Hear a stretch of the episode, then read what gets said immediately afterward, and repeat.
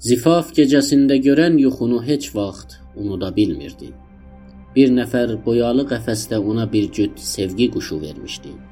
Sonra gördü ay çıxıb dümdüz icarə etdiyi apartmanın üstündə dayandı. Ayağa qalxdı. Sevgi quşlarının qəfəsini götürüb açışqa qırağına gətirdi. Yavaşca qəfəsin qapısını açıb əlini içəri salıb quşların birini götürdü. Sonra da qəfəsin qapısını bağladı. Açışqa önünə qoyulub onun bağlanmasının qabağını alan kaşı parçasını götürdü. Quşun başını açışqanın kərpici üstünə qoyub 3-4 dənə bərkdən kaşı parçası ilə quşun başına çaldı.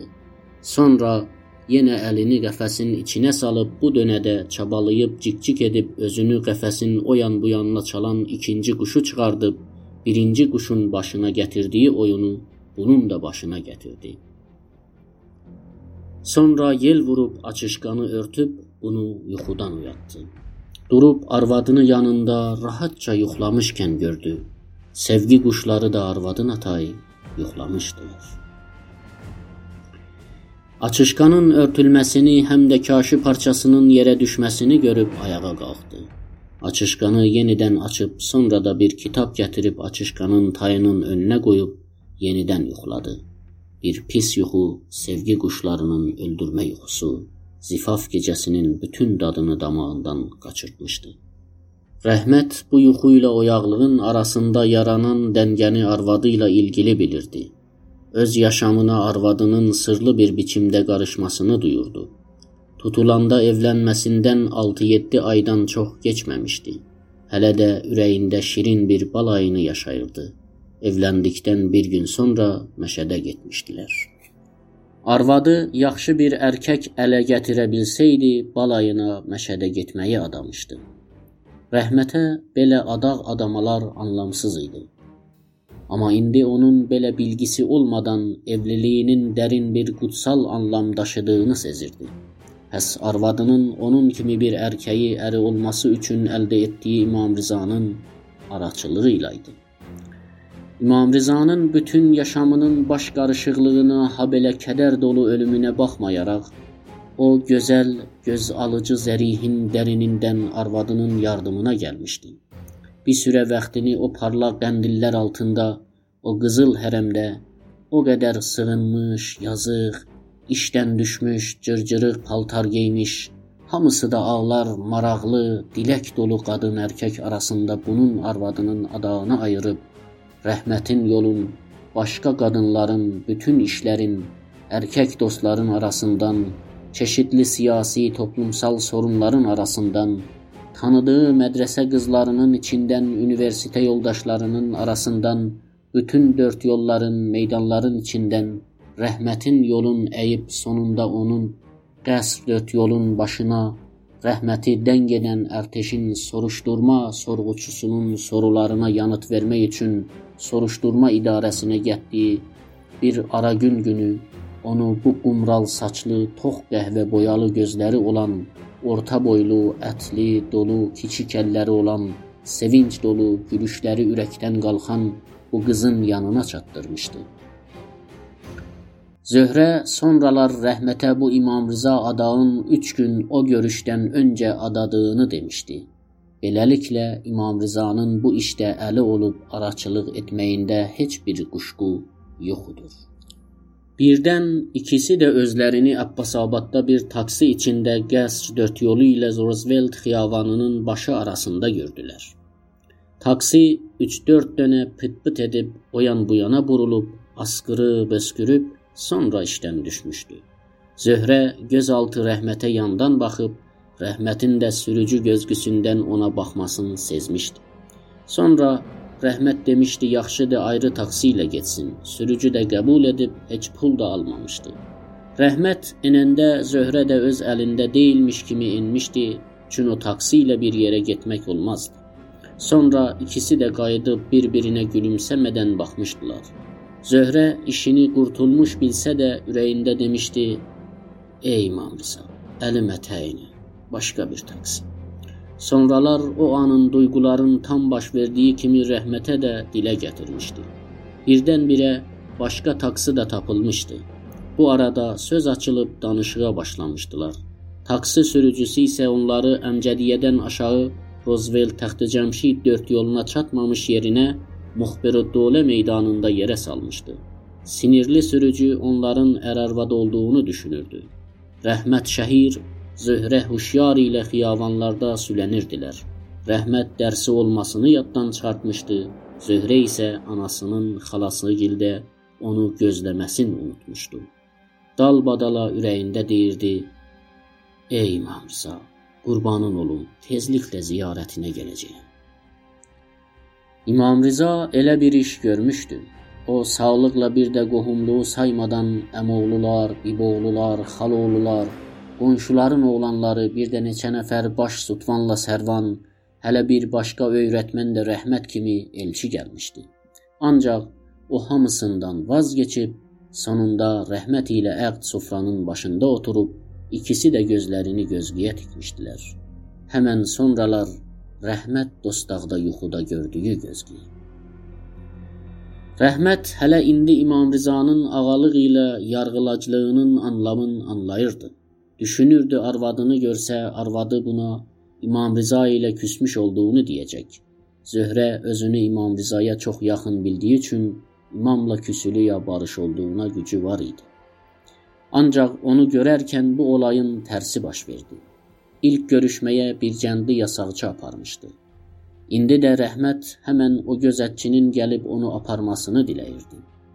Bir cəndli yasaqçı ilə arvadının yuxusunu görməyinə üzgün olduğuna baxmayaraq, onunla ayrı gözətçilərdən daha rahat olmağını duyurdu. İlk görüşmədə onun qolları ilə gözlərin bağlayıb dostaqdan eşiyə aparmışdılar. Üstü açıq bir ortamda olduğunu hiss edirdi. Çox zaman bir cəndli oğlanla əl-ələ yol getmişdilər.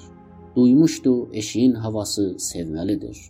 Ayağının altındakı payız yarpaqları köç kimi sıx və gənc ağzında xarç-xarç etmiş, sonra bir cəndli onu pillələrdən yuxarı aparıb. Sonunda da kaşi üzərinə çırpılan mıxlı başmaqların şaqqaşaq səsini eşitmişdi və nədənsə bu cür başmaqların gənc məmurlar ilə savakilərin olduğunu düşünmüşdü. Sonra da sağ ələ dönmüşdülər. Bir cəndli oğlan gözlərindən göz örtüyünü sonra da qandalı açmışdı. O anda qapı ağzında sorğucusunun geniş üzün, yekə burnun, bir də kiçik gözlərini görmüşdü. Bunlar sorğuçunun yoğun boynu, yekə qarnı ilə uyğun gəlirdi. Maraqlı olan sorğuçusunun çox sayğılı göründüyü idi arvadının otaqda olduğunu söyləmişdi. Amma ayaqlarında olan rahatsızlıqdan danışmayacağını söz verməli idi. Rəhmət də söz vermişdi. Sonra da ilk sorğuçu içəri girmişdi. Arxasıca da otağa girəndən dərhal qapı ağzından qırağa çəkilən bir cəndli oğlan idi. Sonra da Rəhmət içəri girmişdi. Arvadını qaynatasının yanında ayağa qalxaraq sorğuçusu ilə kefəhvallaşıb onunla əl sıxaraq gördü. Biləsini görcək ona sarı gəlib əllərini sıxıb onunla görüşmüşdülər. Rəhmət nə deyəcəyini bilmirdi. Zöhrənin ağlamağa tutmuşdu. Oturandan sonra sorğuçu qayınatası ilə danışmağa başlamışdı. Bəlkə də onun hansı düşüncədə olduğunu bilmək istəyirdi. Zöhrə Yavaşca səni sevirəm, səni sevirəm demişdi. Sonra da rəhmətin arıqlamış üzünə, nəşəsiz, dərinə batmış gözlərinə baxıb demişdi: Nəzr eləmişəm, burdan eşiyə çıxdınsa, məşədə İmam Rızanın ziyarətinə gedək. Düz bunların qarşısında oturan bir cəndli oğlan gözünü Zöhrənin kiçik əllərinə tikmişdi. Rəhmət Zöhrəyə demişdi: "Elə gözətçi bəy də Xorasanlıdır da, hə?" Bircəndli oğlan da demişdi: "Hə, hə." Bircəndin yaxınlarından ancaq indi illərdir Tehrandayam. Yenə gözünü Zöhrənin kiçik əllərinə zilləmişdi. Daha sonra elə bil İmam Rizanın ziyarət adağı arvadına yardım etmişdi. Necə ki deyirdi, onu tapmaq üçün dünyanı bir-birinə vurub Yenə də bir-iki dönə ağlamağı tutmuşdu. Elə ki, rəhmətin özünü də ağlatmışdı. Bunu da rəhmət istəməyirdi sorğuçusu görsün. Arvadı soruşmuşdu: Nə qədər saxlayacaqlar? Niyə səni tutuqlayıblar? Rəhmət də yavaşca arvadına demişdi: "Qamini oxulunun müdiri ilə ilgi qurub ona desin Muğani bəyə güvənməsin. Çünki savak işçisidir, həm də bunu da güdəza verən odur." Beləsi arvadına tutuqlanmasının hara bağlı olduğunu anlatsın, sonra demişdi: "Sorğulaması qurtulmaqdadır. Qovluğu çox ağır deyil." Bir də soruşmuşdu: "Sən necə edə bildin görüşməyə gəlisən?" Heç kimə görüşmə vaxtı vermirlər. Zöhrə də demişdi, Timsar Cəfərinin şoferi atasının yoldaşı çıxıb o bu görüşmənin düzəlməsinə yardım edib, sonra yenə rəhmət bir cəndi gözətçinin yekə gözləri ilə arvadının kiçik əllərinə baxmasını anladı. Rəhmət əllərini arvadının əllərinin üstünə qoymuşdu. Sanki istəyirdi arvadının əllərini oğlanın gözündən gizli tutsun. Bəs yersiz deyildir elə həmən gecə görüşdən sonra o üzücü yuxunu arvadı ilə bir cəndliyə görə görmüşdü. Üstəlik yuxuda ağlamışdı da. Belə olaraq da ayılma sonrası o tuhaf cinsi durumu da tapmışdı.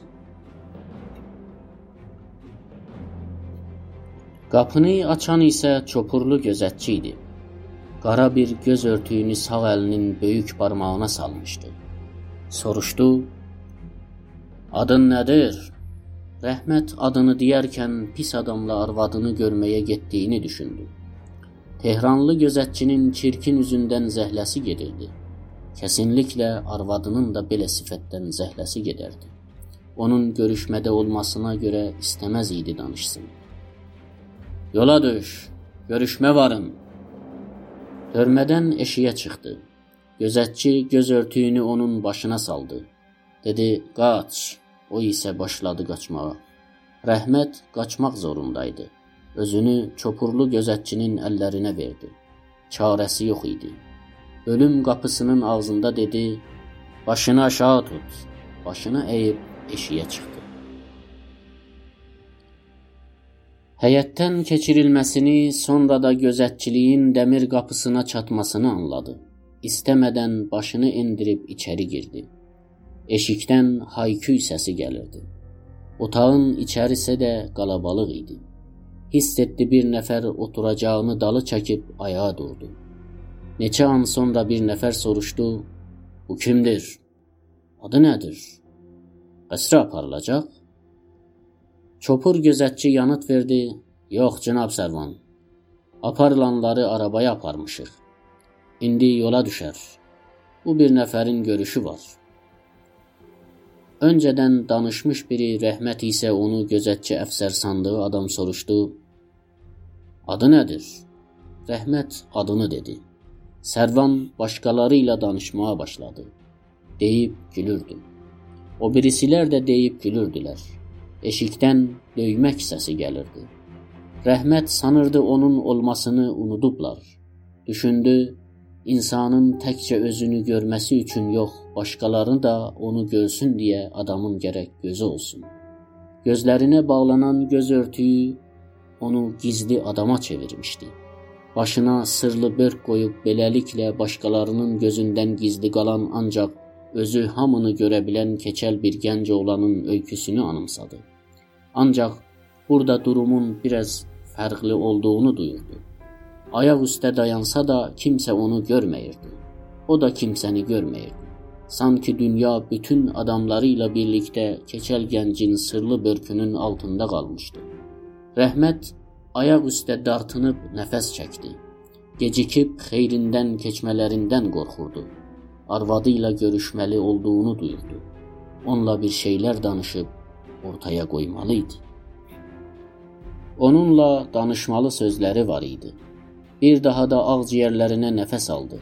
Sonra da bir uca ah kimi eşiyə verdi. Bu yüksək ahın səsini gözətçi əfsər eşidib dedi: "Rəhmim gəldi sənə. Nə ahı çəkirsən?" Rəhmət cavab vermədi. Biləsinə sataşanda cavab verməzdi. Artıq döyülmək istəmirdi. Sonra əfsər gülüşlərin birinin ortasından əmr etdi: "Bu öyrətmən əfəndini götürün görüşməyə aparın." Rəhmət çopurlu gözətçinin yaxınlaşdığını hiss etdi. Birinin sanki gözətçi əfsər bir qandalın açıb bağladığını, sonra da gətirib çopurlu gözətçiyə verdiyini duydu. Qandalı alan şəxsin çopurlu gözətçi olub olmadığını dəqiq bilmirdi. Gözətçi Rəhmətin əlini qaldırdı. Qandal dolamını biləyinə taxdı, sonra Rəhmət qandal dolamının o biri tayını öz biləyinə taxdığını hiss etdi. Qandal bağlandı. Rəhmət bu gözətçinin çopurlu ya başqa bir gözətçi olub olmadığını arxayın değildi. Əlini biraz tərpətdi. Gözətçinin əli isə onun əli ilə çəkildi. Sonra gözətçi Rəhmətin əlini bir atın noxtasını çəkdiyi kimi bərk çəkdi billəsini döndərib yola düşdülər. Keşik otağına çatanda gözətçi ondan ayaqlarının qaldırmağını istədi.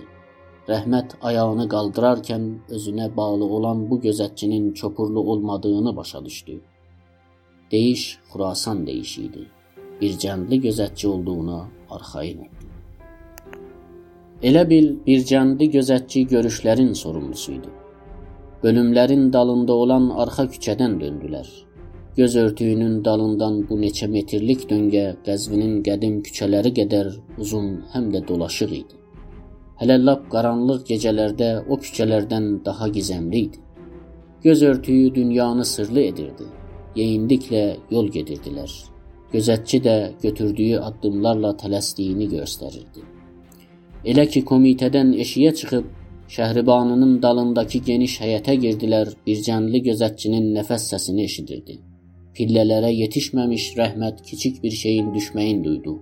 Səs yerə düşən mıx ya bir açar səsinə bənzəyirdi. Rəhmət dedi: "Elə bil şey düşdü sərkar." Bir canlı dedi: "Yox, şey deyil, heç zət düşmədi." Pillələrdən yuxarı çıxdılar. Yenə də ilk görüşməsi kimin əfsərlərlə savakilərin ayaq səslərini Şəhribanının dalanlarının kaşiləri üstündə eşitdi.